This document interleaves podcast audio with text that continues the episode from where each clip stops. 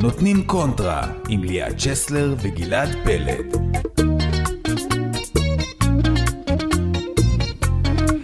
היי, היי, היי, היי, היי, צ'ס, מה שלומך? מעולה, מה איתך? מתאושש עדיין מהפסטיבל, אבל היה כיף, והנה אנחנו פה בנותנים קונטרה בתוכנית הרדיו של הקהילה הלטינית בישראל, בשיתוף עמוד הפייסבוק וידועים שאשכרה מפורסמים מהסצנה הלטינית בישראל, והיום תוכנית מספר 21, ועם אורחת, אה, אורחת מיוחדת באולפן, שמיד מיד נזכיר, ושוב אני אומר שלום לצ'ס. ווואו, צ'ס, תבטיחי לי דבר אחד, אל תלדי באמצע השידור, אוקיי? אני ממש ממש מנסה. אוקיי, אני כבר, זה כבר נראה שזה שם. כן? זה מתקרב. אתה אומר שאני שמנה, זה מה שאתה אומר. כן, מותר לי? בתקופה, זו התקופה היחידה שאני אני יכול לא יודעת, זה מה שאמרת? לא. אז אה, הכל בסדר. אוקיי. טוב, אנחנו ממשיכים לארח את אה, מיטב אנשי הקהילה שלנו. בתוכנית שעברה אירחנו את איתי ארז, בעלי הקומפלקס לשעבר, והליין הלטיני בדופלקס היום. עד עכשיו התוכנית ממשיכה, אגב. כן, לא היינו עורכים את זה. יש אנשים שעדיין מאזינים, היא הייתה ארוכה מהרגיל. אה, הקדשנו בעבר תוכניות אה, שונות, גם לבצ'אטה החושנית, תוכנית מספר 3, אני מזכירה לך, אירחנו את נכון. אלון גושן, אחר נכון. כך לבצ'אטה האותנטית, אירחנו את דימה, ועוד המון אורחים אה, מעניינים ושווים בכל מיני סגנונות. והפעם אנחנו גם נדבר על הבצ'אטה, אבל מכיוון קצת אחר, ובחרנו לארח דמות מיוחדת, צבעונית במיוחד. אבל כמו שאמרתי, לא רק מהבצ'אטה, היא ליידי אמיתית, מלאת אמביציה, סטייל והעצמה נשית, אחת הנשים החזקות והפעילות בסצנה.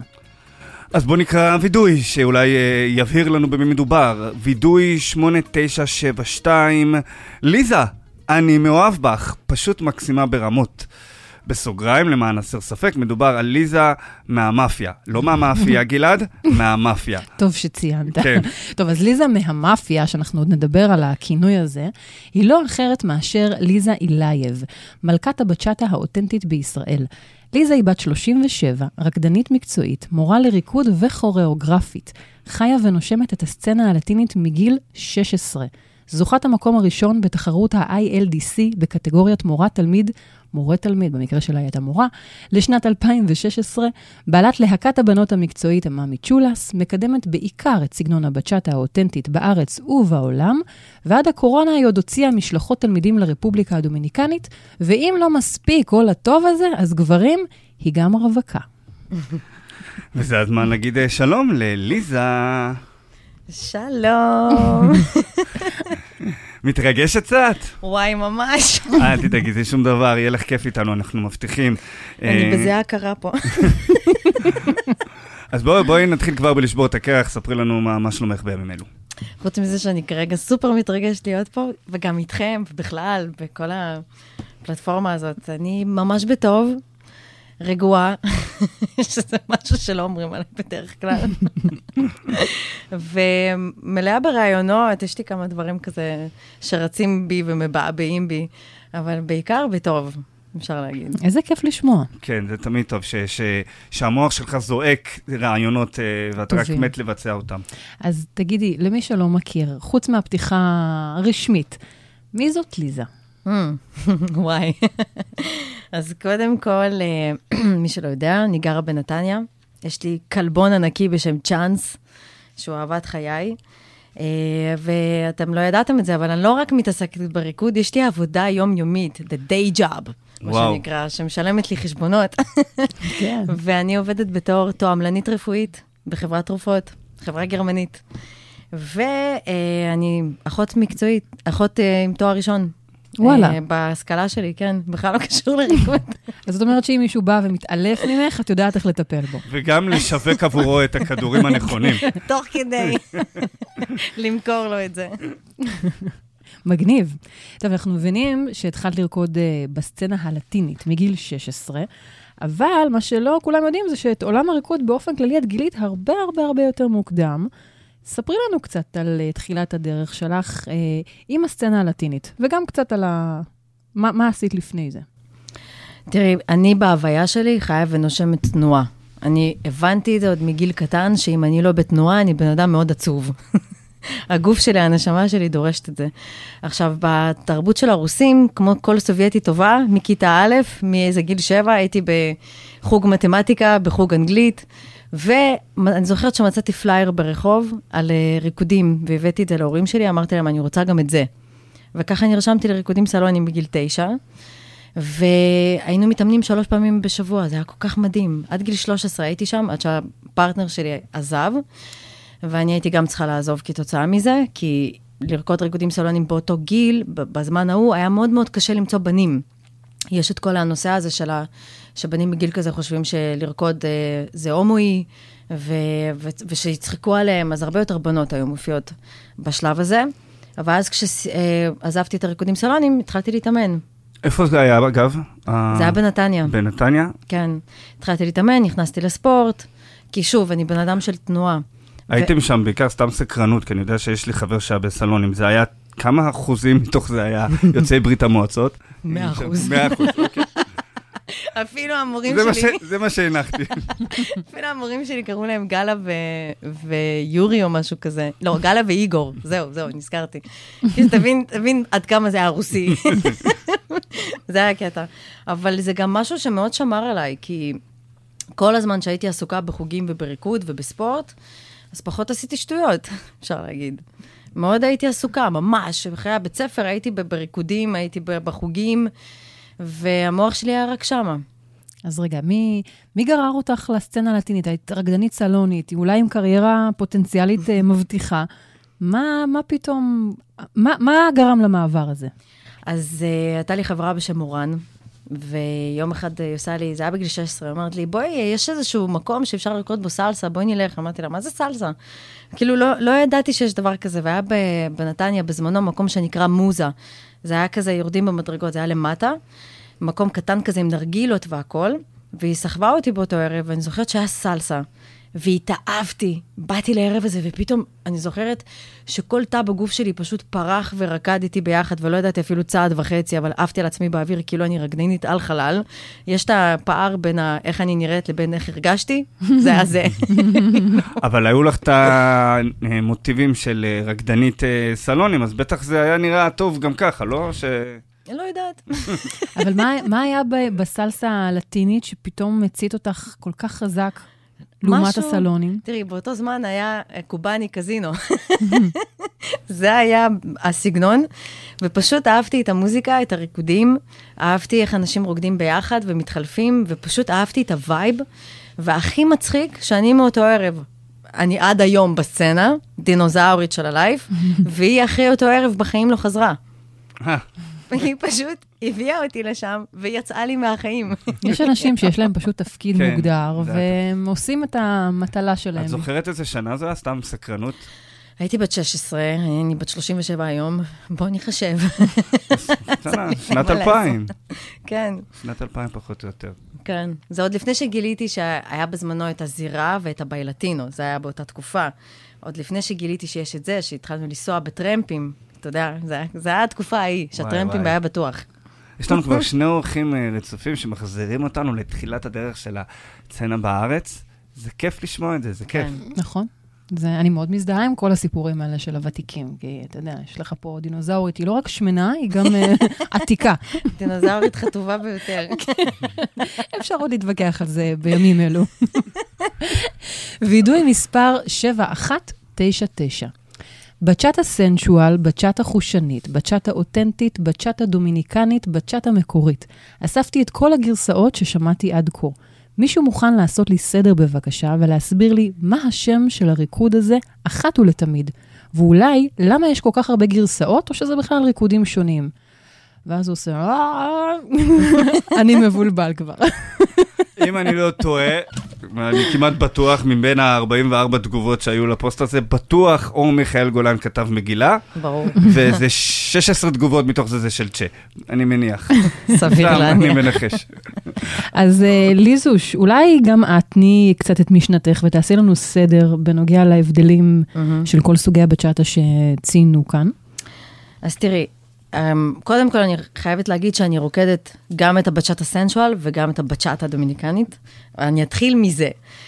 שמבחינתי בצ'אטה יש רק אחת, וזאת הבצ'אטה שנרקדת ברפובליקה הדומיניקנית, שיש מאחוריה תרבות שלמה, זה ריקוד רחוב, וכל האסנס של הריקוד הזה, שאני קוראת לזה ריקוד אדמה, הוא מקורקע.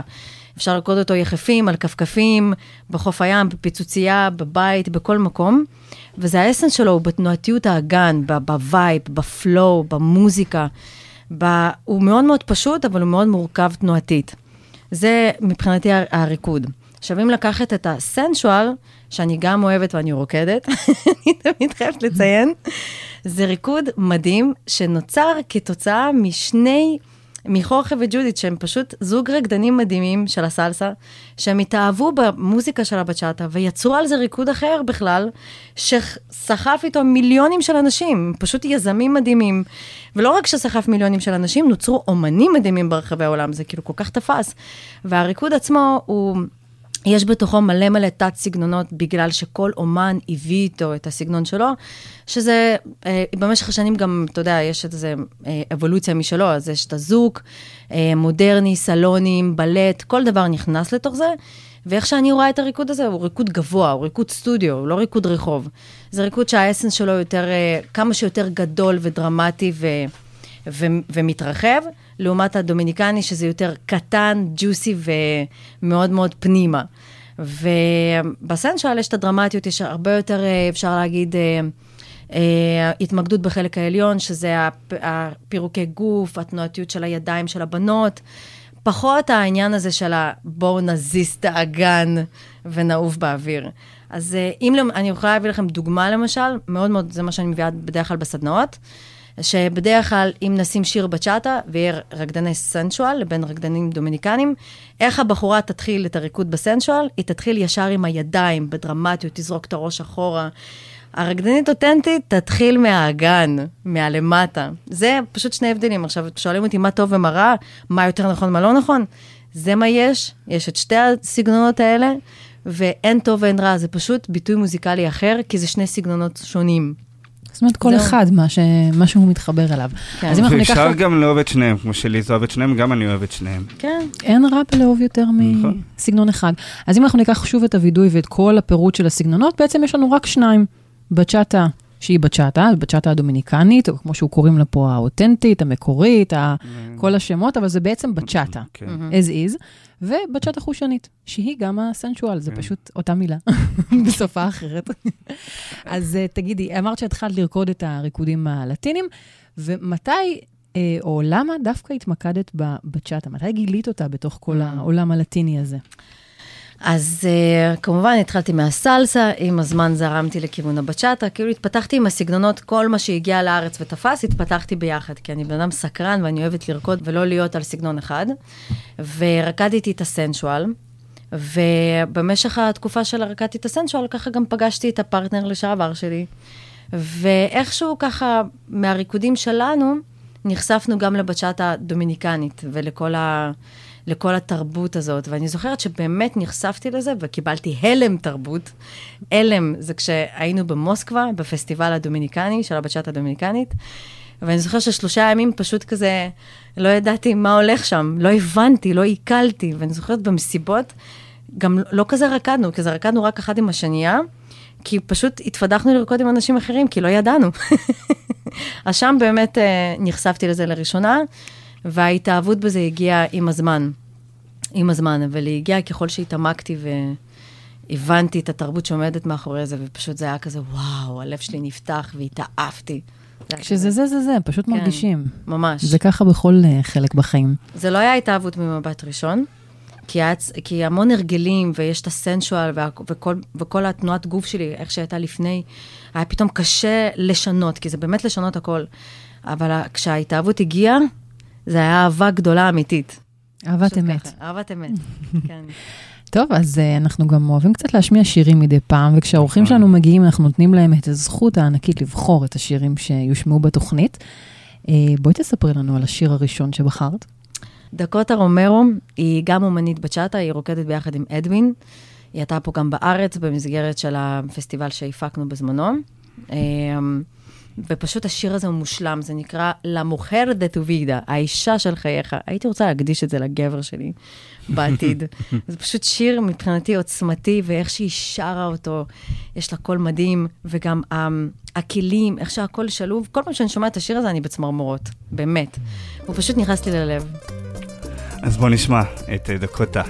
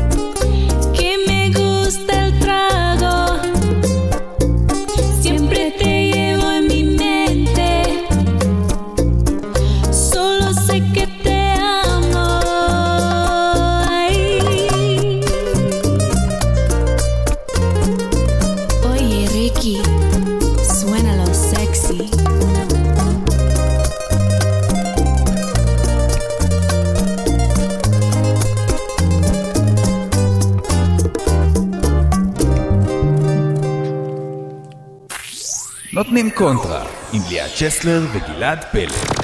כן, אז שמענו את גרסת הבולרו של השיר שבחרת, אה, ליזה, אני מקווה שזה גם בסדר. השיר מושלם בכל הגרסאות. כן. ולפני השיר שבחרת, אה, שיר היפה הזה, שגם יצא לי להשמיע אותו פעם אחת בלטית דופלקס, דיברנו על ההתמקדות שלך אה, בבצ'אטה, והיום את באמת מדריכה מוכרת, בעלת להקה, גם שעוד מעט נדבר עליה ומופיעה על במות, אבל לקח לך יחסית זמן להתקבע במקום הזה. של הבצ'אטה. כן. לא רק של הבצ'אט, אלא בכלל של ההדרכות, ולעמוד מול קהל, ולהיות במקום מלא כאילו ביטחון. לעבור, לעבור מהצד הזה גם של הרקדנית לצד של ה... פרפורמרית. פרפורמרית, מדריכה ו- ו- ויזמית, ו- וכל הדברים שאת היום. כן. תראה, בשנות ה-20 של חיי, אמ, אני די אה, פתחתי את, העשור הזה, כשאני הייתי מאוד חסרת ביטחון, וגם הרגשתי שאני ממש לא מעניינת. אז, אה, וזה התבטא בהמון המון דברים בתחומים האישיים שלי, ואיך תפסתי את עצמי. אז uh, כשהייתי מגיעה לרקוד, אז זה היה פשוט חלום גדול כזה של הלוואי והייתי מופיעה על הבמה, הלוואי והייתי מלמדת, אבל לא משהו שהעזתי אפילו לחשוב שאני אוכל לעשות, או, או מישהו בכלל ילך אחריי. אני ממש הרגשתי שאני לא בן אדם שיכול להשפיע, שיכול לעורר משהו, או לעורר השראה אפילו. זה, זה, זאת הייתה הרגשה שאני לא מספיק מיוחדת, שאין לי את זה. ואם למשל אני כן מיוחדת, אז מישהו יזהה את זה, מישהו ייקח אותי, מישהו יאמץ אותי, מישהו יקרא לי. ולא הבנתי שאין דבר כזה, שאם אני באמת רוצה ליצור משהו, אני צריכה לעשות את זה אני בעצמי, ליצור את, את המצב הזה, ולא לחכות שמישהו יבוא ויציל אותי או, או ייקח אותי. ו, ואני זוכרת שכאילו, אם את שואלת אותי, אה, אם היית אומרת לי בגיל 20, ליזה, היום, אה, עוד עשר שנים מהיום, תהיה לך להקה משלך, את תלמדי, את תהיי אומנית בינלאומית, את תהיי מוכרת בסצנה, הייתי אומרת לך, אין מצב, אין סיכוי. ו- וכן, זה, זה המצב. מאיפה את חושבת שהגיע כל החוסר ביטחון הזה? תראי, היום אני יכולה להגיד לך, מתוך המון עבודת מודעות שאני עושה, זה שיש את העולם הפנימי, והעולם החיצוני פשוט מין תמונה לעולם הפנימי. מה שאת באמת מאמינה בו, את יוצרת את זה בחוץ, והוא נותן לך את השיקוף הזה. אז אני גדלתי בצורה שהיא חסרת ביטחון, ולא האמנתי בעצמי בכלל, לא היה לי את החיזוקים האלה. ו... ופשוט, אה, אני זוכרת שבעולם הריקוד, גם המשפחה שלי מאוד מאוד אה, קיפצה אותי. כאילו כל פעם שהיינו יושבים בשולחן, הם היו צוחקים עליי, הנה עוד פעם הולכת לרקוד זאתי, את לא מבינה, אף אחד לא ייקח אותך ברצינות, את צריכה להפסיק לרקוד, אם את רוצה גבר, אם את רוצה להתחתן, את צריכה להפסיק לרקוד. ו- וזה באמת, ואני מודה שזה השפיע, כי אני זוכרת שכשהיה לי זוגיות בשנות ה-20, הייתי מסתירה את זה, לא הייתי מספרת שאני, שאני רוקדת, ואפילו היו תקופות שלא הייתי מגיעה לרקוד, וריקוד זה התשוקה הכי גדולה שלי, זה הדבר שאני הכי אוהבת, אני כאילו... כל דבר מבחינתי יכול לרפא על ידי ריקוד. כאילו, אני אוכל להיות הבן אדם הכי עצוב, הכי אומלל בעולם, אני ארקוד ואני ארגיש יותר טוב, זה ברמה הזאת. והייתי מוצאת עצמי מוותרת, לא מספרת, מתביישת. זה, משם, משם הגעתי. ובעצם איפה הייתה נקודת המפנה? אז uh, כל שנה הייתי הולכת לקונגרס הסלסה הבינלאומי מגיל 16, כמו לקוחה טובה כזאת. כל שנה אני מסתכלת על הבמות, איך שכולם מופיעים, חלקם, אתה יודע, אין מה לעשות, לא כל הופעה. אגב, אני, אני, אני מכניס עוד מאמר מוסגר לשאלה שלך, החוסר ביטחון הזה גם השפיע על זה שלא היו לך יותר מדי חבר'ה בסצנה, או שזה לאו דווקא? היו לי חבר'ה בסצנה, אבל באמת שהרגשתי ש... שאני, שהם עושים לי טובה, שכאילו אני כל כך 아, אה, זכיתי אוקיי. בהם, איזה כיף שיש לי. לא הרגשתי שאני תורמת משהו, אלא וואי, איזה כיף שיש לי חברים, שאני יכולה לצאת לרקוד איתם, וכאילו, וואו, איזה מזל. מה, כאילו, בהרגשה שאת צריכה להוכיח להם? כן, בקטע הזה? בטח. אוקיי. בטח. Yeah. המון uh, להוכיח, היה לי מלא תפקידים בחברה, כאילו, הליצנית, המרצה, כל תפקיד שיכולתי לקחת על עצמי כדי להרגיש משמעותית. אני, אני רואה הרבה דברים ממה שהיא אומרת גם בעבר שלי. ועכשיו אני מחזיר אותך כן. לנקודת המפנה. כן, כאילו היום אני מספרת על זה באמת בגאווה ובלב פתוח, כי זה מודעות, עבודת מודעות שאני עושה שנים, ו, וזה באמת, לראות את המקומות האלה, זה, זה מה שיש, ו, ולצמוח משם. אז אני יכולה להגיד לך שכל שנה הייתי בקונגרס, כל שנה אני מסתכלת על הבמות, ו... ואני זוכרת שבאחת הפעמים, זה היה לקראת גיל 30, כן? זה היה כזה גיל 27, אני זוכרת. אני ושירלי, שירלי היא החברה הכי טובה שלי, ה-BFF, אנחנו יושבות על הבמה, יוש... יושבות, ואז היא מסתכלת עליי מהצד, איך אני מסתכלת על מי שמופיע, שאני ככה, כזה בשקיקה ובעיניים, ואני קצת דמעות כזה. היא אומרת לי, ליזה, למה את לא שם? אני אומרת לה, לא, נו שירלי, באמת, איך אני אגיע לשם? היא אומרת לי, אם את uh, תאמיני בעצמך ותעבדי מספיק קשה, זה יכול לקרות. עכשיו, זה משפט קלישאה, אבל באותו רגע זה חלחל. זה כאילו, זה היה, מכירים את זה שלפעמים אנשים אומרים בזמן הנכון, במקום הנכון, וזה? אז אני זוכרת ש... כבר, כבר אז התחלתי לעשות משהו, ופניתי לאנה טרגר, והיא בדיוק פתחה להקת סלסה, ופשוט התחננתי בפניה להכניס אותי. שיגעתי אותה. אמרתי לה, אנה, אני הולכת להיות בלהקה שלך, נקודה, זהו. לא, אין לי מקום, וזה גם הימים שאת רוצה, הם לא מתאימים. אמרתי לה, את חמודה, תקשיבי לי טוב, אני נכנסת ללהקה, היא יכולה באמת להגיד שזה ככה זה היה. שיגעתי אותה, התקשרתי לה כל יום, שלחתי לה הודעות, עד, ש... עד שנכנסתי. כן. וואי, יפה.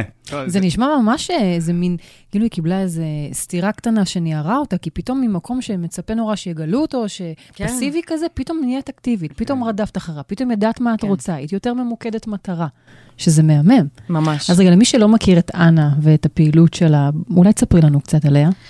וואו, אני עבדתי עם אנה ארבע שנים, הייתי בלהקה שלה, ווואי, זו הייתה התקופה הכי מאתגרת, הכי מטורפת והכי נכונה שעשיתי בחיים שלי ever. לעבוד מול אנה זה מאתגר ולא קל.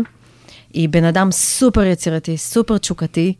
היא, אני למדתי ממנה המון, כאילו, עמידה מול קהל, אה, גם למדתי איך לבנות כוריאוגרפיה דרכה, כי, כי בן אדם שיוצר, היא מדברת את היצירה שלה מולנו.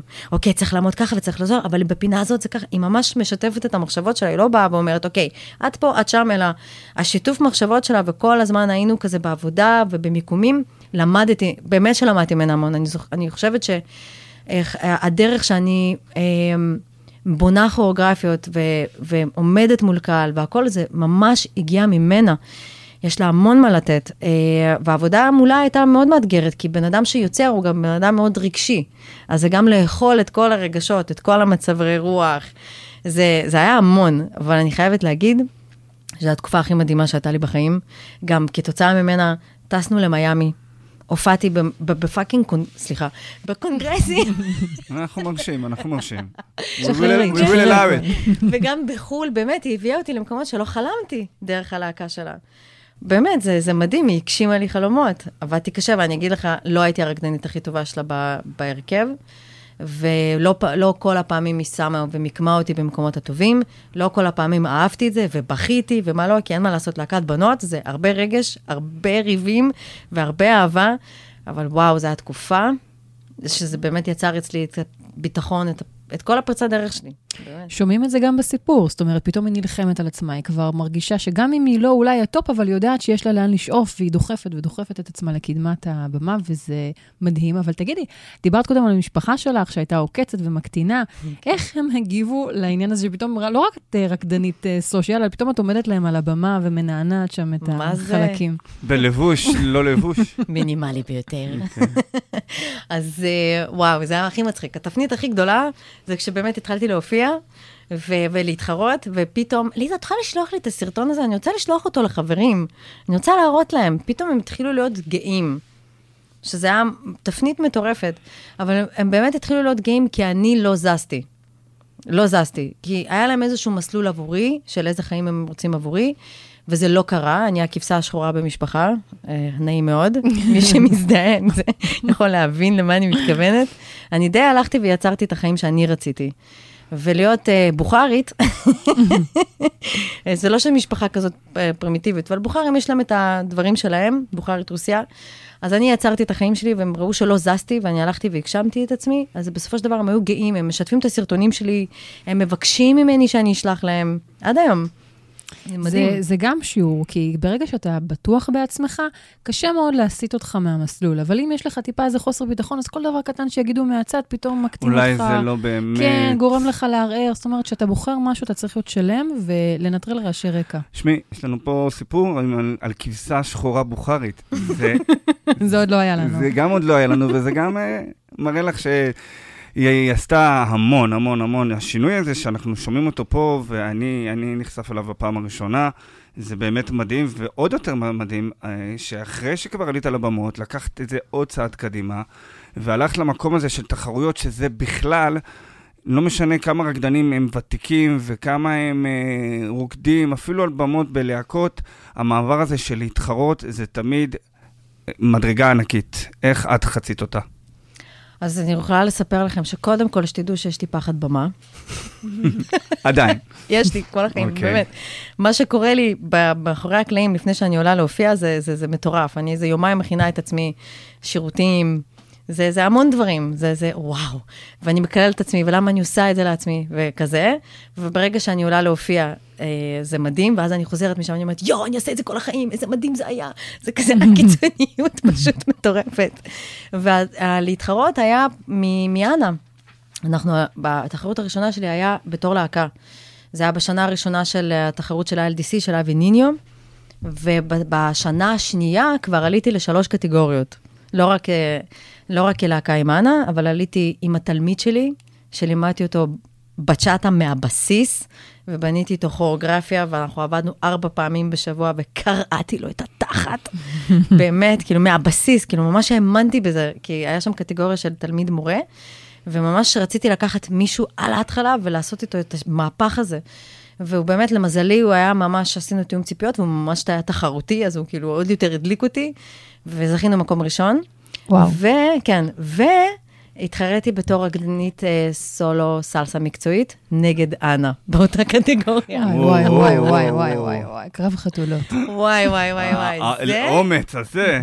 זה היה חתיכת אומץ, אבל אני אומרת, זה פשוט, אני מפחדת, אני כאילו מפחדת, אבל יש לי מין תכונה כזאת שגם אם אני מפחדת, אני עושה את זה, ולוקחת בחשבון שאולי אני אכשל, אולי יצחקו עליי, אבל אני, אני כאילו מאמינה בלעשות את זה.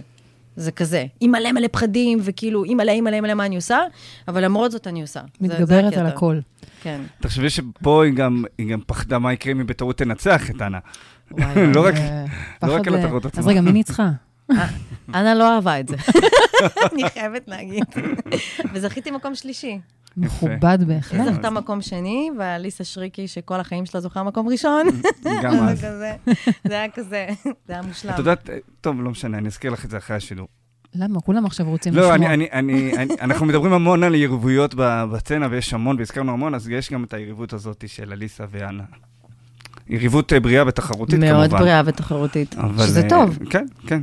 זה גם משהו שמלווה את הסצנה במשך השנים. מעניין. ושתיהן סופר סופר מוכשרות. מה הן. מדהימות שניהם, באמת. אני, אני כל הזמן אומרת, אנה זאת המורה שלי. באמת, אני, כל אחד שאני אומרת, אני התחלתי מאנה, היא מדהימה. וגם היריבות כביכול שהייתה לנו, שאני עליתי לקטגוריה מולה, זה עוד יותר דרבן אותי. באמת, זה היה מטורף. אני הייתי. מורעלת, מורעלת, עבדתי. וואי, וואי, איך עבדתי.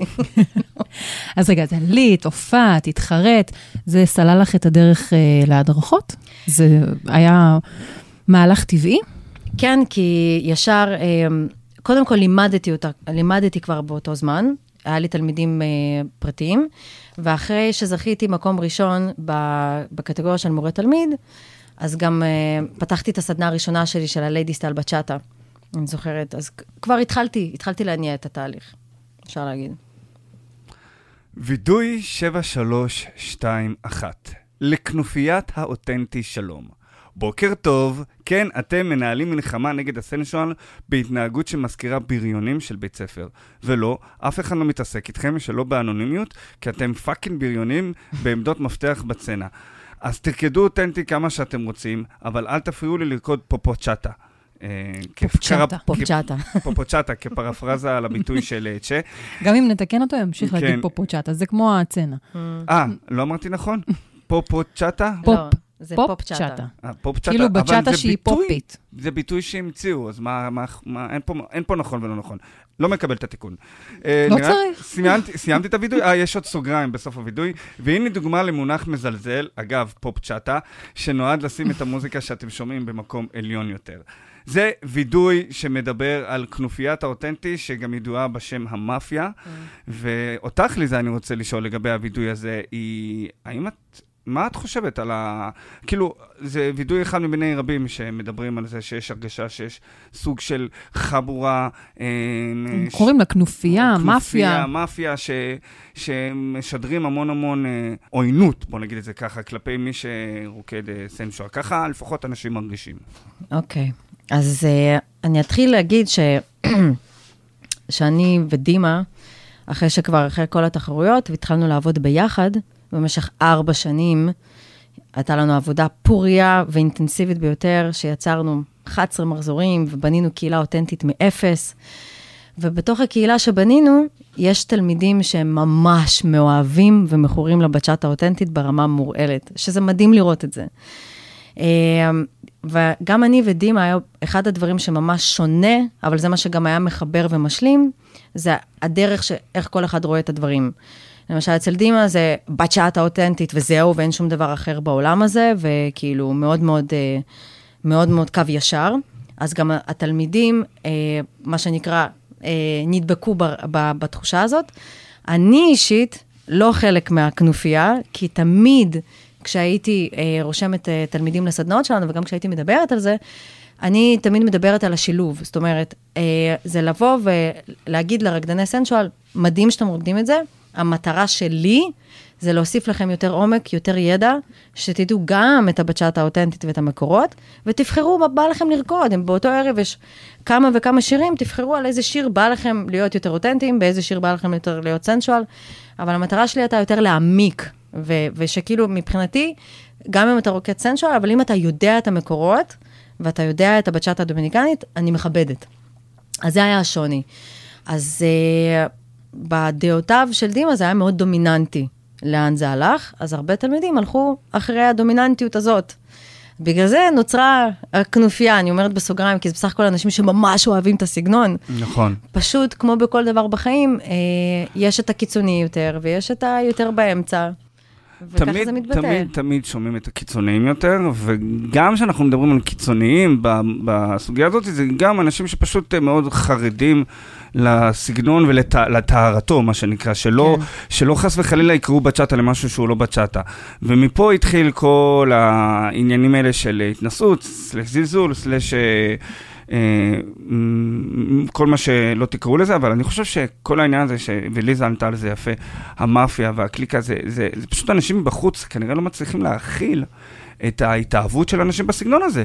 ומבחינתם זה מרגיש כאילו שטפו להם את המוח, אבל לא, וואלה, אנשים כנראה באמת יש סיבה במה להתאהב. ועד שלא תנסו את זה בעצמכם, לא תוכלו לדעת, ובטח שלא לשפוט מהצד. זה ה-50 סנט שלי על העניין הזה. וידוי מספר 11155. המון בנות, אפילו מדריכות תותחיות שרוקדות בצ'אט המדהים, אבל כשהן עוברות לסלסה, הקסם שלהן נעלם. איך זה? Hmm. אני לא יודעת כמה הווידוי הזה מדויק. ליזה, מה את חושבת? אני לא חושבת שהוא מדויק, כי אני חושבת שאפשר להיות מדהימים בכל כך מלא סגנונות. אני אישית אה, רוקדת גם את הסלסה, את כל הסגנונות, את הזוק, את הזוק למבדה, קיזומבה, בצ'אטה. אני רוקדת הכל, ואני גם יכולה ללמד את הכל, אני מלמדת את זה בשיעורים פרטיים.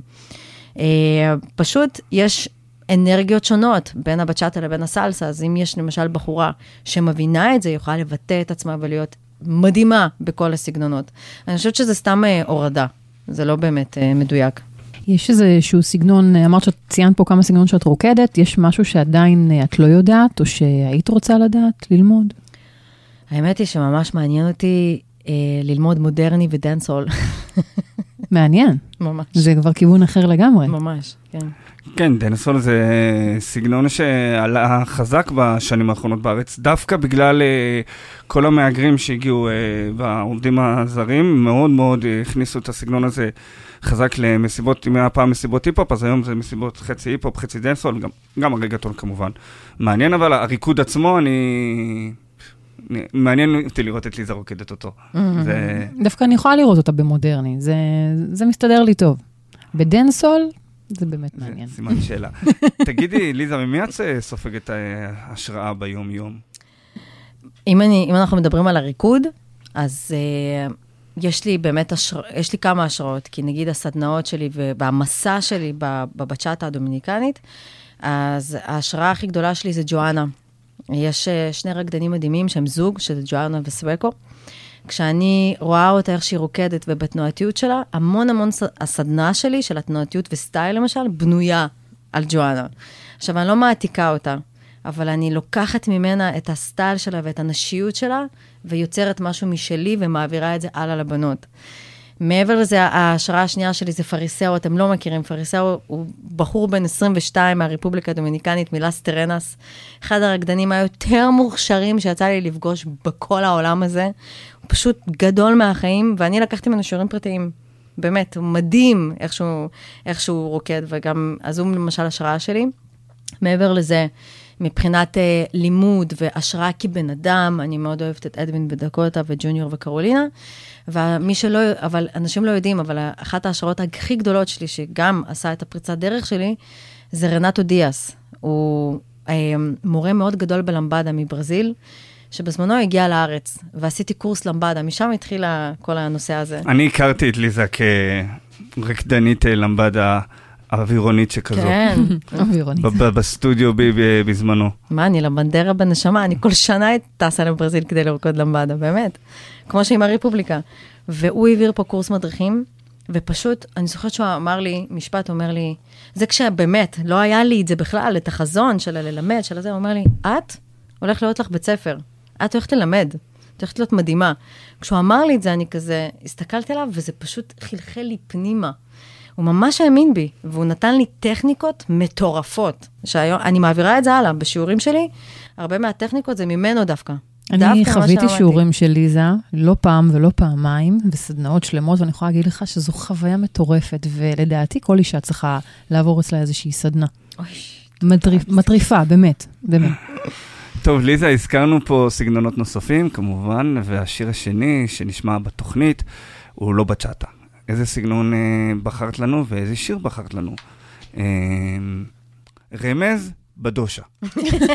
כי אני יודע שהסדר של השירים קצת התערבב לך בראש. כן, של המתוקה.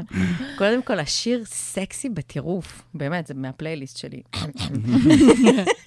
אבל הוא פשוט מושלם, וגם אני אוהבת לרקוד עליו גם את הלבנדה וגם את הקיזומבה, או היום אורבן קיזר שקוראים לזה. אבל זה מזכיר לי את התקופות היפות שלי מהקיזומבה. אני, אני מתה על השיר הזה, אני שומעת אותו בלופים. באמת. שיר מדהים. בדושה.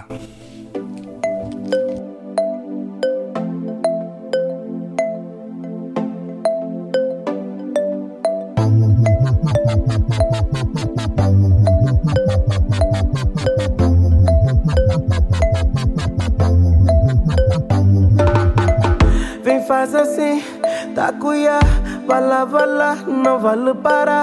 Continua a tarrachar, do jeito que tu sabes encaixar. Mas se não souberes, vou te ensinar. Não tenhas pressa, que chegas lá. Me enlouquece, me tira o stress. Já sei teu nome, teu nome é Tess. Estás no caminho certo, teu jeito desperto mesmo no tempo. Oh. Pra quem não sabia, a tarraxinho, mambo tá em dia. Teu respirar está me incomodar. Ai, ai, ai, ai, ai, ai, está-me a faltar o ar. Me toca, me toca, quero acordar. Ai, meu Deus, eu só posso estar a sonhar. Vai assim me tocar. Eu quero mais. Vai assim me tocar. Pra te sentir mais. Vai assim me tocar. Puxa por mim, puxa por mim, puxa. Vai assim me tocar. Che, vai lá, vai lá.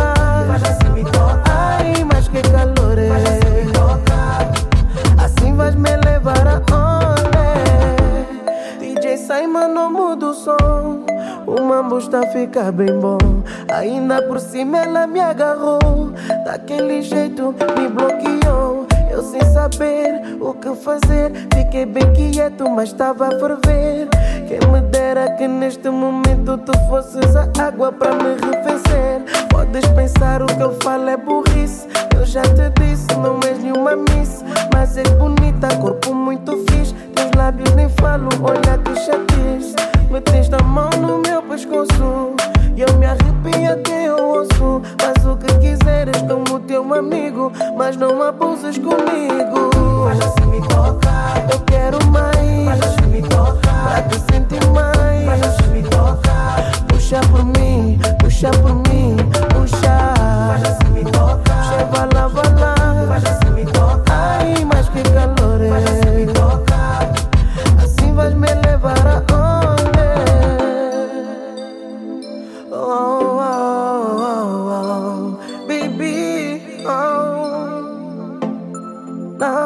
Não, não estou a acreditar. Oh, assim eu vou maiar. Eu continuo a dizer pra mim, não estou a acreditar, nem posso vacilar, assim eu vou maiar. Assim eu vou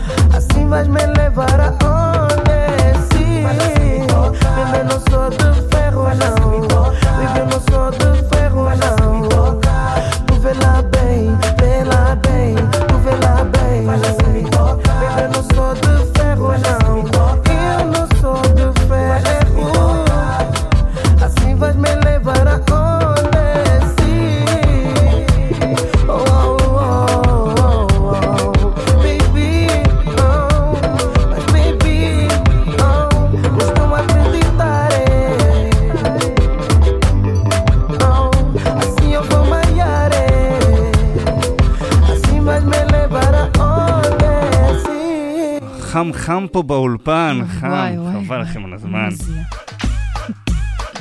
פינת הפרגונים.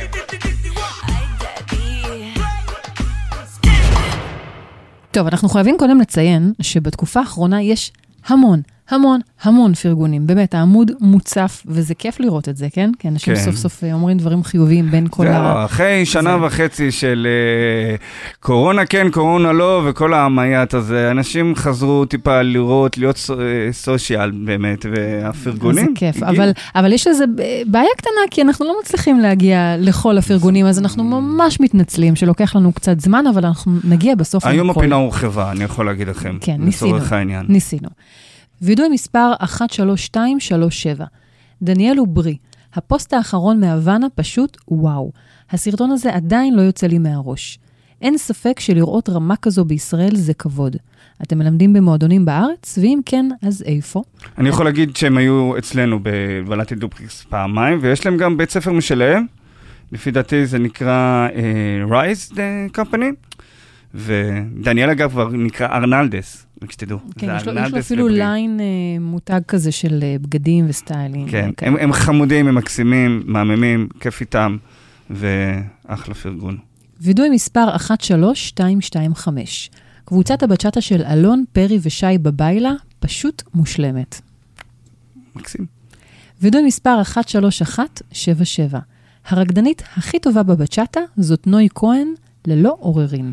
איזה החלטיות. ממש. סחטיין עלייך, נוי, תראי איזה מעריץ. היא מהממת. וידוי מספר 13203, בריאן מהזוק, תודה על הריקודים בתקופה האחרונה. אתה רקדן בחסד ומורה עוד יותר. הלוואי ועוד אנשים היו מובילים רך כמוך והיו מדברים על זה עוד כמו בשיעורים שאתה עושה. ראיתי שאתה גם רוקד סלסה והייתי מתה לתפוס אותך לריקוד גם שם. ואתה די-ג'יי בחסד עליון וגם מוזיקאי. יש משהו שאתה לא עושה? הוא באמת, אה, הוא באמת אה, התחיל בסלסה, לא הרבה יודעים את זה, אבל אה, בריין התחיל ברוטב סלסה. משם הוא מגיע. וידוי מספר 13236. אני לא מאמין ששי אברבנאל מדריכה במחתרת, חלום שהתגשם. ואז הוא צועק פה, אבל... כן, אני זה- אעשה. זה- רק אני אתלוש שיער, תוך כדי. שי אברבנאל זה המטולטלת המגניבה הזאת, נכון? אם אני לא טועה. כן, בחורה כן, מהממת ממש. מקסימה ממש. וידוי 13210, שמרית אליהו, בואו נדבר על הטלטלים הבלונדינים. איזה יפה, כובשת ומהפנטת. בחורה שכל פעם שאני רואה אותה, היא תמיד עם חיוך ענק. רקדנית מדהימה שלא מסרבת אף פעם. אני כל הזמן מסתכל עלייך ונדהם. שמרית, תודה שאת בסצנה, צריך עוד אנשים כמוך. אני לא מכיר, אבל uh, זה נשמע מספיק... Uh, נשמע שצריך עוד אנשים כמוה. כן, אז אה, שמרית, תוכפלי בבקשה. אנחנו ממשיכים עם וידוי 13206, הוואנה, יום חמישי, פאקו, אנא תישאר קבוע באולם הסלסה. יום חמישי, ה-22 לאפריל, היה תקלוט מעולה וסדר שירים בדיוק כמו שצריך, רמה אחרת בסוגריים, כל יום אחרת תתקלט באיזה רחבה שתרצה, יום חמישי, סלסה, תודה לך. אה, פאקו, כן. פאקו. הרבה יודעים שהוא מתקלט בצ'אטה, אבל תדעו לכם שתחילת הדרך שלו ועד היום, הוא מתקלט אה, סלסה. אה, ועוד וידוי אחד, 13199. קפיטלטינה, היה ממש כיף בפתיחה של ליינה בצ'אט החדש, כיף שיש ליין מקצועי עם אווירה כיפית ואנשים טובים, ששווה לקפוץ לירושלים בשבילו. תמשיכו ככה. באמת, שמעתי המון תגובות טובות על uh, הפתיחה המחודשת של הקפיטלטינה. וידוי 1, 3, 1, 5, 0. תכלס, הכי התגעגעתי לסלסה של דוד בטכניון. יש לנו ממש מכל הפזורה פה, כן, אה, צ'ס. ניסינו, ניסינו לגוון. וידוי מספר 11912. לרקוד עם ליזה היה כמו לרקוד עם חברה טובה שהרבה זמן לא פגשתי. איזה כיף, תבואי יותר צפונה. מי, אה, מי זו ליזה? תזכירי לי. איזה. כיף לי. כן. טוב, ליזה, אה, הנה, קיבלת גם אה, את הפרגון שמסיים את פינת הפרגונים אה, להיום, אבל לא באמת מסיים, כי אנחנו רוצים גם לשמוע אותך בפינת הפרגונים. והאם יש מישהו שבא לך לפרגן? לא, או לה, או להם? וואי, כן.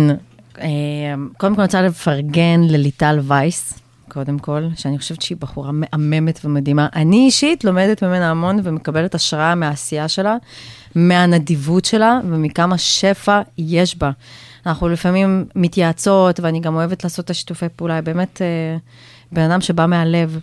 ואני רוצה גם לפרגן לכל אלה שבתקופת הקורונה הרימו מסיבות מחתרתיות, ופשוט יצרו פלטפורמה לריקודים לאנשים שהיו צמאים לזה, כמו ליטל חן, נוי שושן, רעות בן עודד, שבאופן קבוע עשתה ליינים, שזה מדהים, רונן בן צבי, שזה באמת באמת חשוב, שהם נתנו מענה לאנשים שבאמת חיפשו את זה. אז אני רוצה להגיד תודה.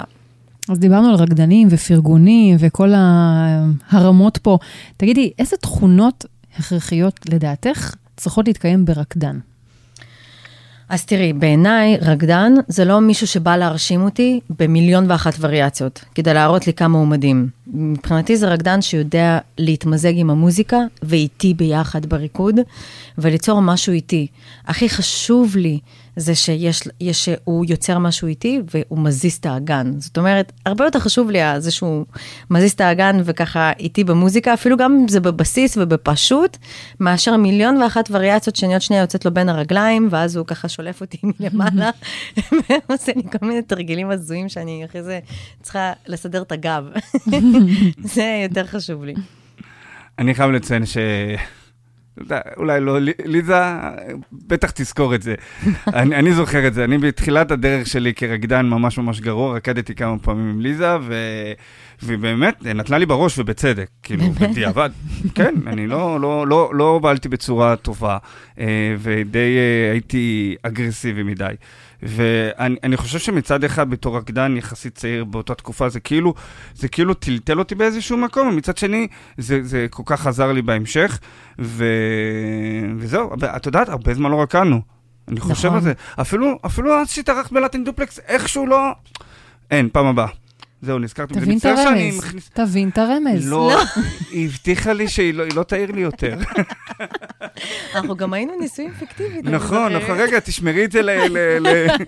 אז רגע, אם דיברנו על רקדן מהולל כמו גלעד, אז תגידי, מה, איך מרגיש ריקוד אולטימטי? רקדן מהולל, אבל פעם היה מקולל, אוקיי? עברתי, עברתי כברת דרך.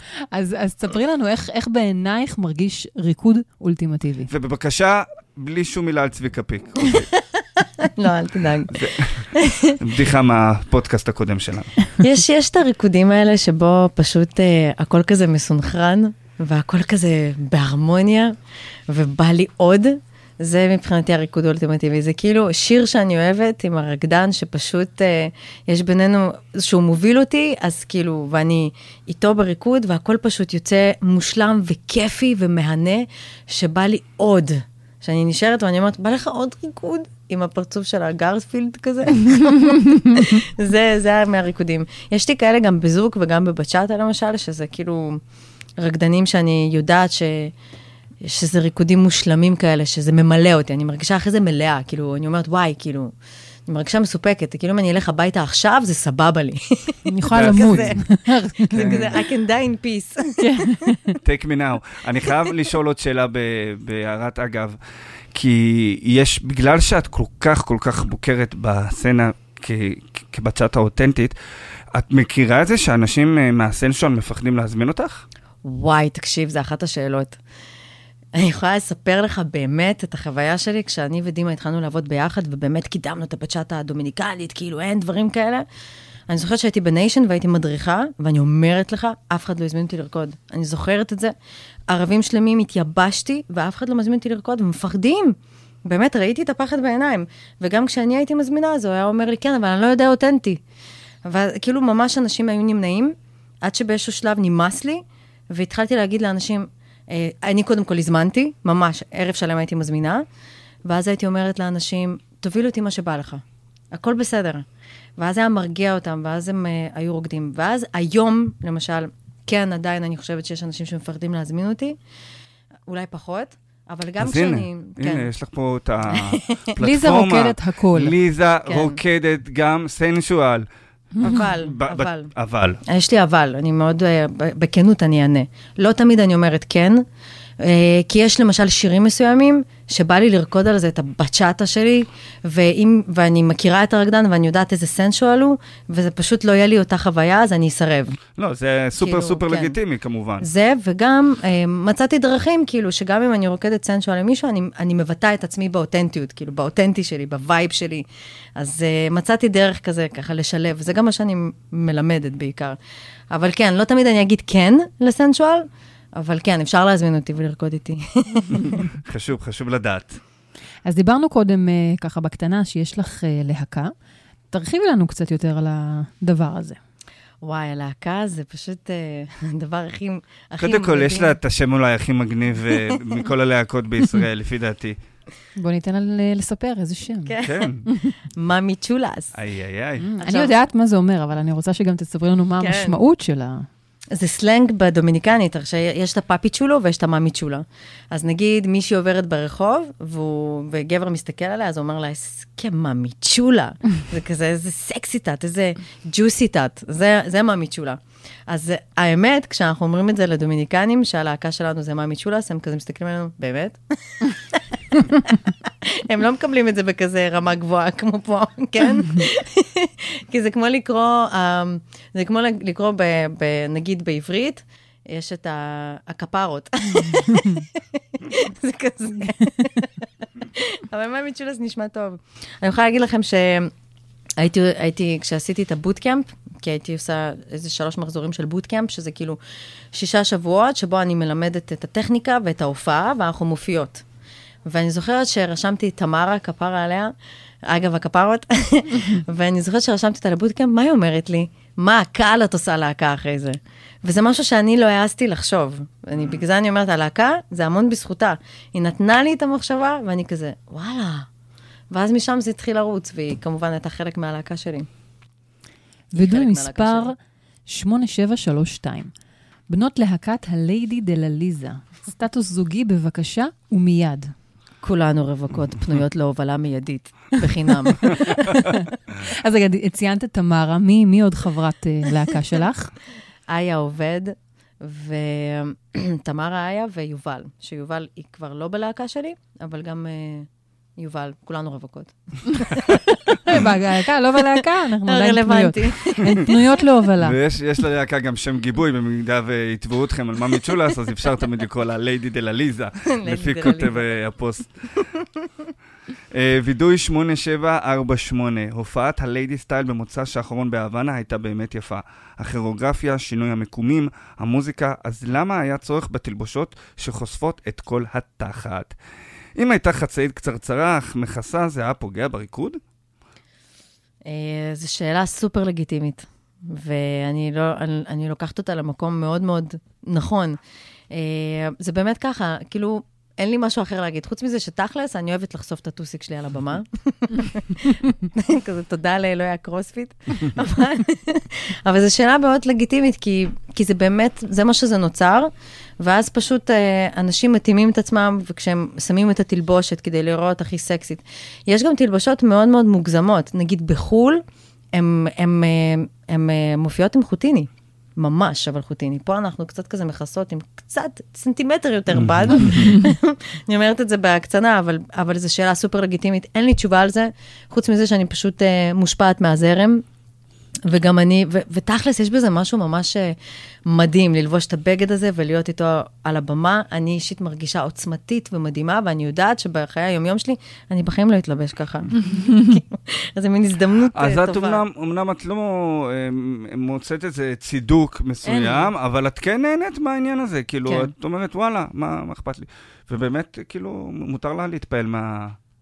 היא אמרה את זה, אז מותר לי להגיד, זה לא בגדר מותר לך. היא אמרה היא אמרה שיש לה אחלה טוסיק, ואני יכול אה, להגיד שהיא צודקת. שאת אמרת. וידוי מספר 5447. בנות, כשאתן עושות סטייל, בבקשה שימו לב אם בדיוק לא עובר מישהו מאחוריכן. הלסת שלי עוד מרגישה את הטבעת המוגזמת שלך. כן, ולמי שלא מבין את זה, אז אה, הכוונה היא לידיים המושטות, שהן מראות את האצבעות ויכולות לגרום לנזק בלתי הפיך. וואו, זה חתיכת וידוי לגיטימי, כי גם אני הרגשתי את זה הרבה פעמים. אני בעיקר הרגשתי את, הש...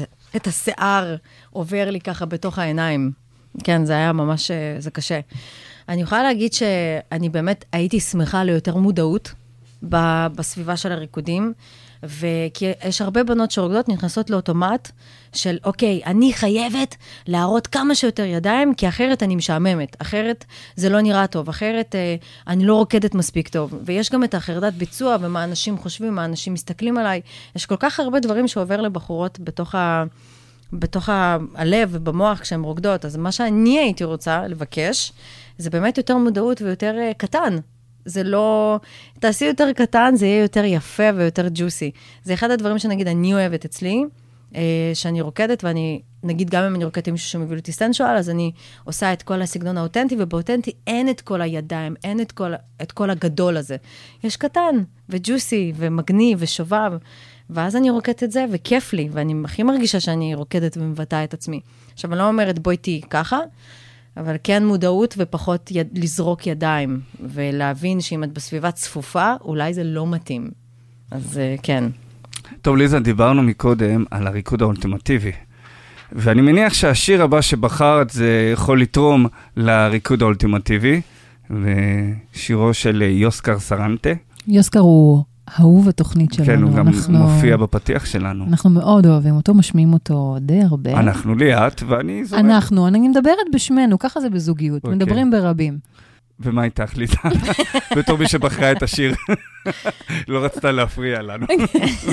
כן, לא רציתי להפריע לדינמיקה הזוגית שפה. חוסר הדינמיקה אולי לפעמים. לא, לא, סתם, לא. סתם, סתם. אני יש לנו דינמיקה בריאה. כן. אני יורדת עליך ואתה סופג. מדהים. רגיל מהבית. אוי מגד. אז אה, גרה דה המון זה אחד השירים שאני אוהבת, כי זה שיר שהוא מחזר אחרי האישה. הוא כאילו ממש מכריז מלחמה על הלב שלה. שהוא ממש אומר, אני, אני אפנק את הלב שלך במילים יפות, במגע, ו- ופשוט כל פעם שאני שומעת את השיר הזה, אני מרגישה מתפנקת ומחוזרת. ובגלל זה אני כל כך אוהבת אותו. לפעמים יש שירי בצ'אטה שעדיין הגבר עוד לא נפגע, זה עוד לפני שהוא נפגע. זה לפני בשלב החיזורים. זה לפני האקסיט המיתולוגית. אז הנה הוא יוסקר סרנטה.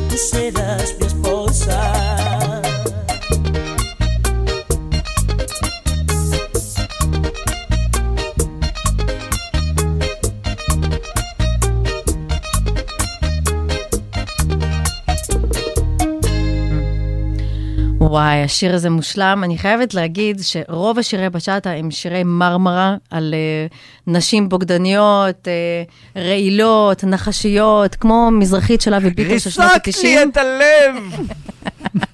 אז זה שיר שונה של חיזור, ואני... כן, כל אבל היא כך את השיר תרסק. לו את הלב בסוף, כולנו יודעים. זה השיר הבא באלבום כנראה, קרוב לוודאי. יכול להיות.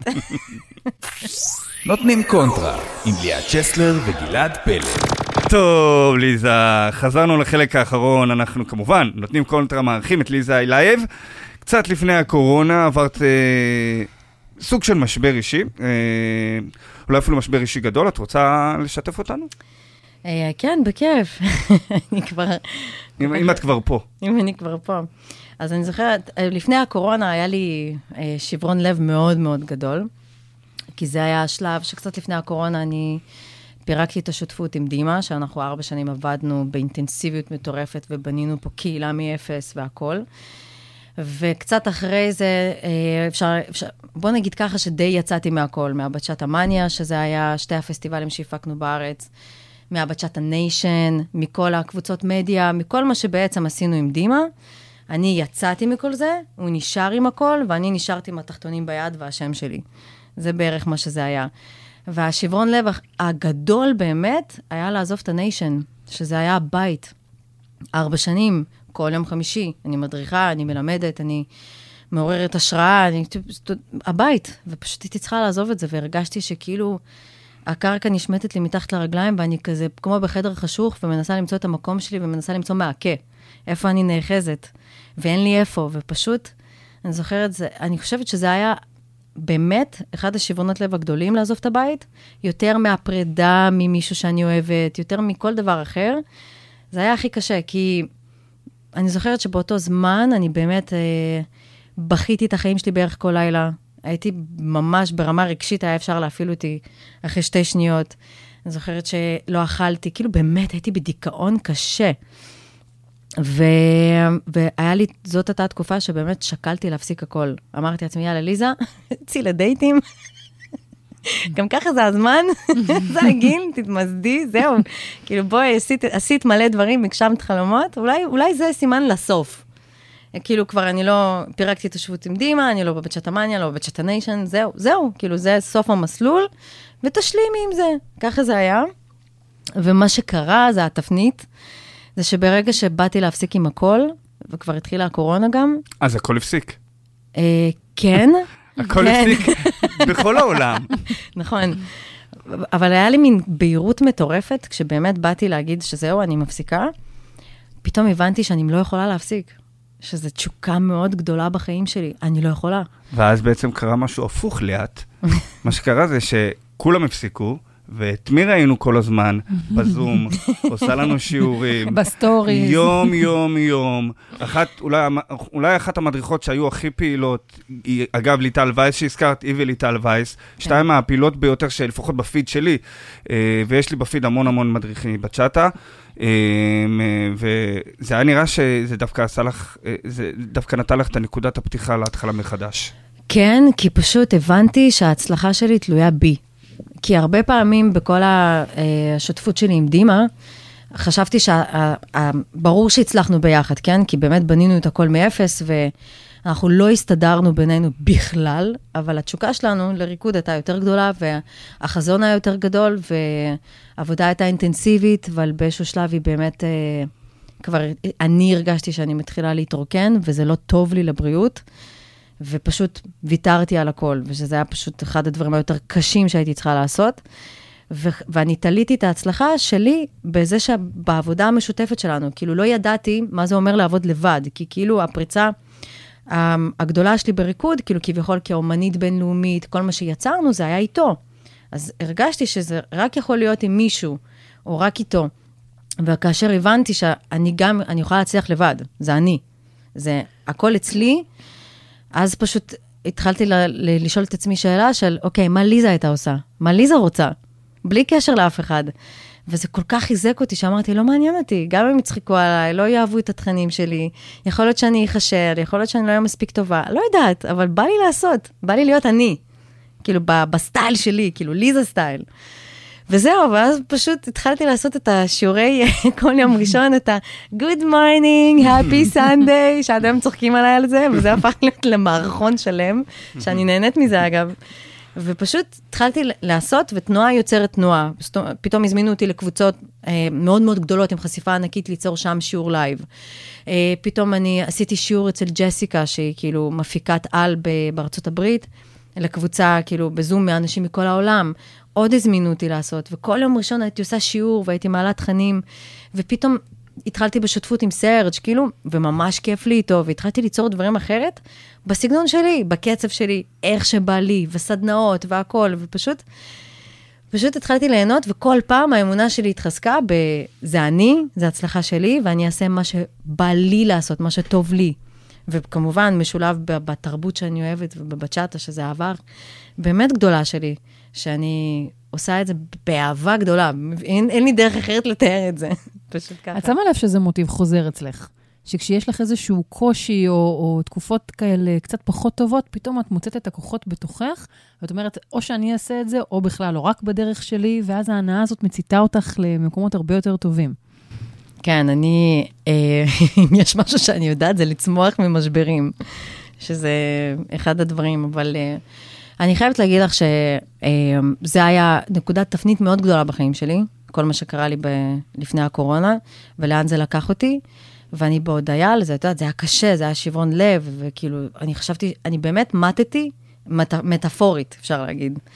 אבל מאז פשוט התחזקתי, כי התחלתי להאמין בעצמי, וזה משהו שלוקח זמן, ו, ואנשים טובים לצידי שתמכו בי והאמינו בי. את יודעת, לפעמים זה, זה מה זה עוזר, שיש מישהו שתומך ואוהב ומאמין מאמין בי. נותן לך כוח. כן, אז אה, זה ככה.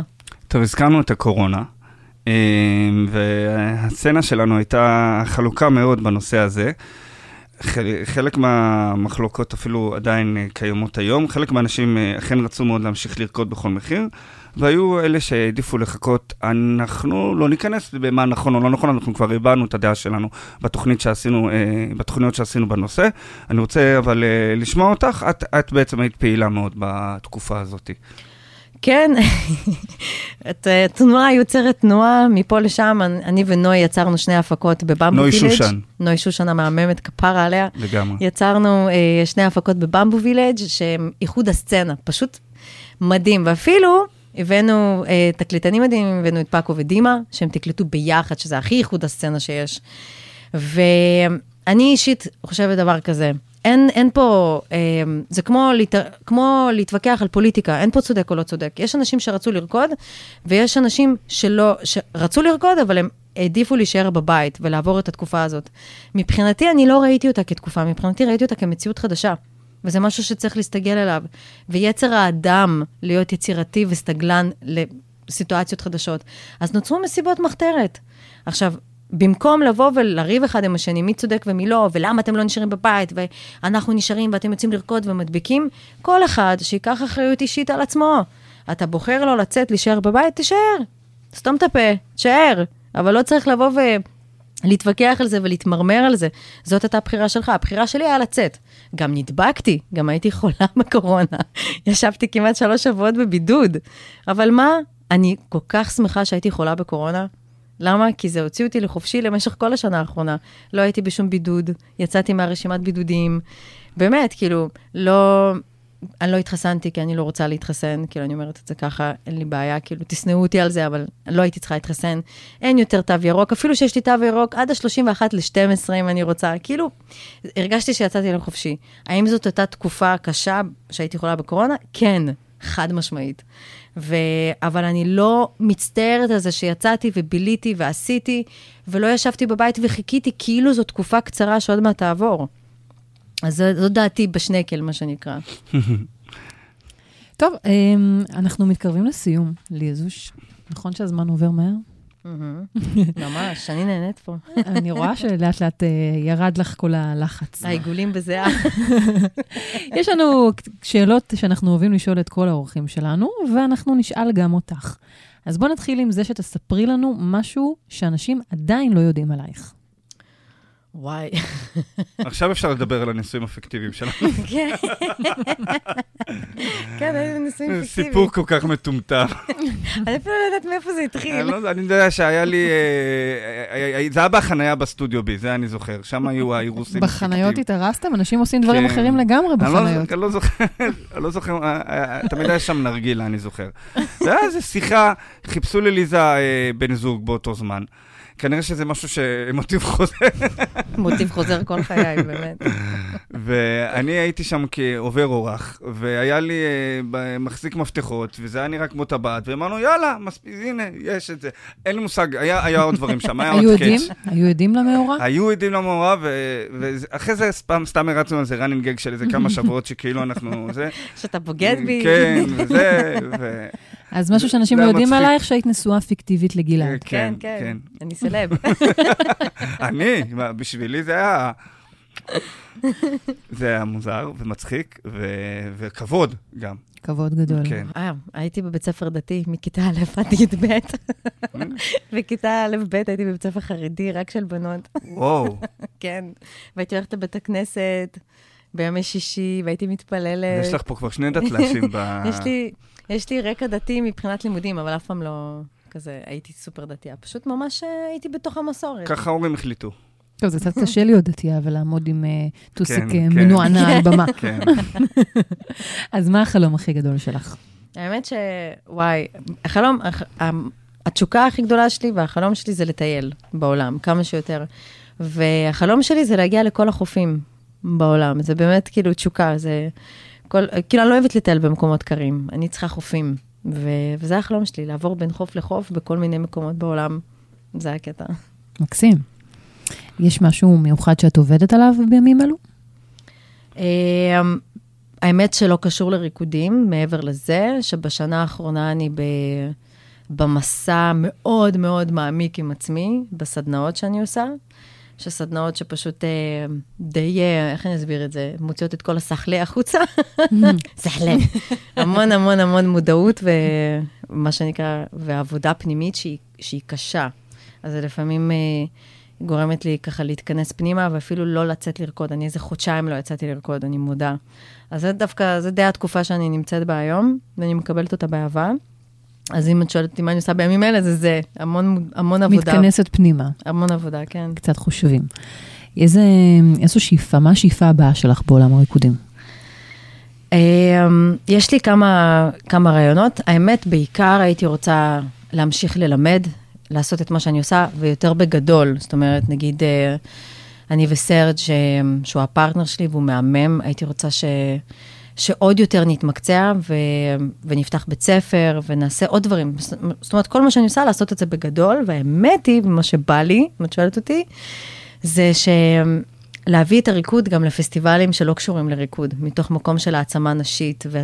כי כל מה שקשור לתנועתיות האגן, שאני מלמדת, השמיניות, הדברים כאלה, יש בזה המון המון, אה, זה לעבוד עם אה, צ'קרת החיים, צ'קרת המין. ויש בזה המון המון רבדים רוחניים שאפשר להיכנס אליהם. וואי, ללא ספק, ללא אז, ספק. אה, אז זה מה שגם הייתי רוצה ליצור. זו שאיפה דווקא ממש מעניינת. מאוד מאוד, אני. מפתחת את זה קצת, אהבתי, אני חייבת. להגיד. תגידי, אה, את פוגשת עכשיו ברחוב רקדן מתחיל שרק נכנס לעולם הריקודים. איזה עצות את יכולה לתת לו? עצות הזהב שלך לרקדן המתחיל. היי, האמת, אחד העצות שאני יכולה לתת, במיוחד לגברים שממש קשה להם אה, עם כל הנושא הזה של ה... כשצריך לרקוד וגם צריך להוביל, שם מתחיל כל הבלבול. והרבה פעמים, הרבה גברים פורשים. כתוצאה מזה, הם מרגישים שזה לא זה, זה לא בשבילם, הם לא נולדו לרקוד. ואני רוצה להגיד לכל מי שמתחיל, זה שריקוד זה שפת גוף שונה, זה ללמוד הכל מחדש, זה כמו ללמוד ללכת מחדש. זה לוקח זמן וזה לוקח סובלנות, ורק נחישות ומודעות לזה, שזה התחלה וזה שפת גוף אחרת, אה, ולהישאר בזה יכול להביא לתוצאות יותר טובות.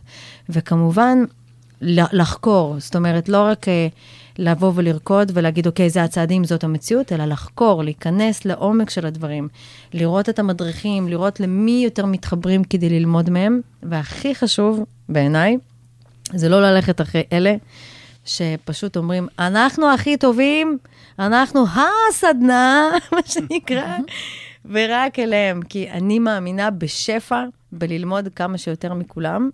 ו- ולא לכאלה שרק רוצים את התלמידים לעצמם, אלא כאלה שיודעים גם לשחרר. זה הכי חשוב בעיניי. ולסיכום, אם היית צריכה לבחור משפט אחד שימחיש מהו ריקוד עבורך, מה הוא היה? הריקוד זה ההוויה שלי. זה ה-essence שלי, זה, זה כל מי שאני, אפשר להגיד. זה ליזה. זה ליזה. ליזה, ליזה style. ליזה style. טוב, ליזה, היה לנו העונג לארח אותך. וואי, גם לי. ונותנים קונטרה.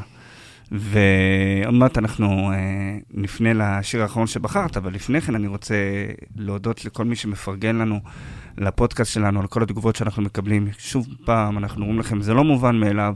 תודה לכם על כל הרעיונות וההצעות, ואנחנו לוקחים הכל בחשבון. ותודה לך, צ'ס, שלא ילדת במהלך השידור. תודה לך, גלעד, שהיית פה, וגם אם בטעות זה יקרה, אתה, יש לך כבר ניסיון. כן, לא, לא, לא נתנו לי להיכנס. אוי ואבוי. טוב, זה קיסרי. כן, לא, נתנו לי רק לשנייה שהם יצאו. טוב, זה, לא, לא, לא לשם, כיוונו את העניין הזה. רציתי להגיד לך תודה, ליאטוש, ואנחנו ניפגש פה בפודקאסט הבא. במהרה בימינו. אולי עד אז תהיי אימא, אולי לא, אנחנו נראה איך זה, איך זה מתפתח. ותודה לך שוב פעם, ליזה. והיה לנו כיף, וספרי לנו מה השיר שיסיים את הפודקאסט להיום. האמת היא, זה סיפור אישי. השיר הזה... אה, בפעם האחרונה שהייתי ברפובליקה, היה לי שם רומן עם מישהו מדהים. איי, איי, איי. ממש אבל. ג'וסי. ממש. והוא הקדיש לי את השיר הזה, זה השיר שלנו. ועד כן. היום, עד היום, עברו כבר כמעט שנתיים, אפשר להגיד, עד היום הוא שולח לי את השיר הזה כשהוא שיכור במסיבות. כן. מקדיש לי את השיר. אבל כל פעם ששומע את השיר הזה, אני נזכרת בנו, זה מהמם. זהו. רומאו סנטוס, צריך להגיד, יחד עם אה, זכריאס פריירה, מתוך כן. אוטופיה. זה נקרא מקוודו. תודה רבה לכם, המשך אה, שבוע מופלא.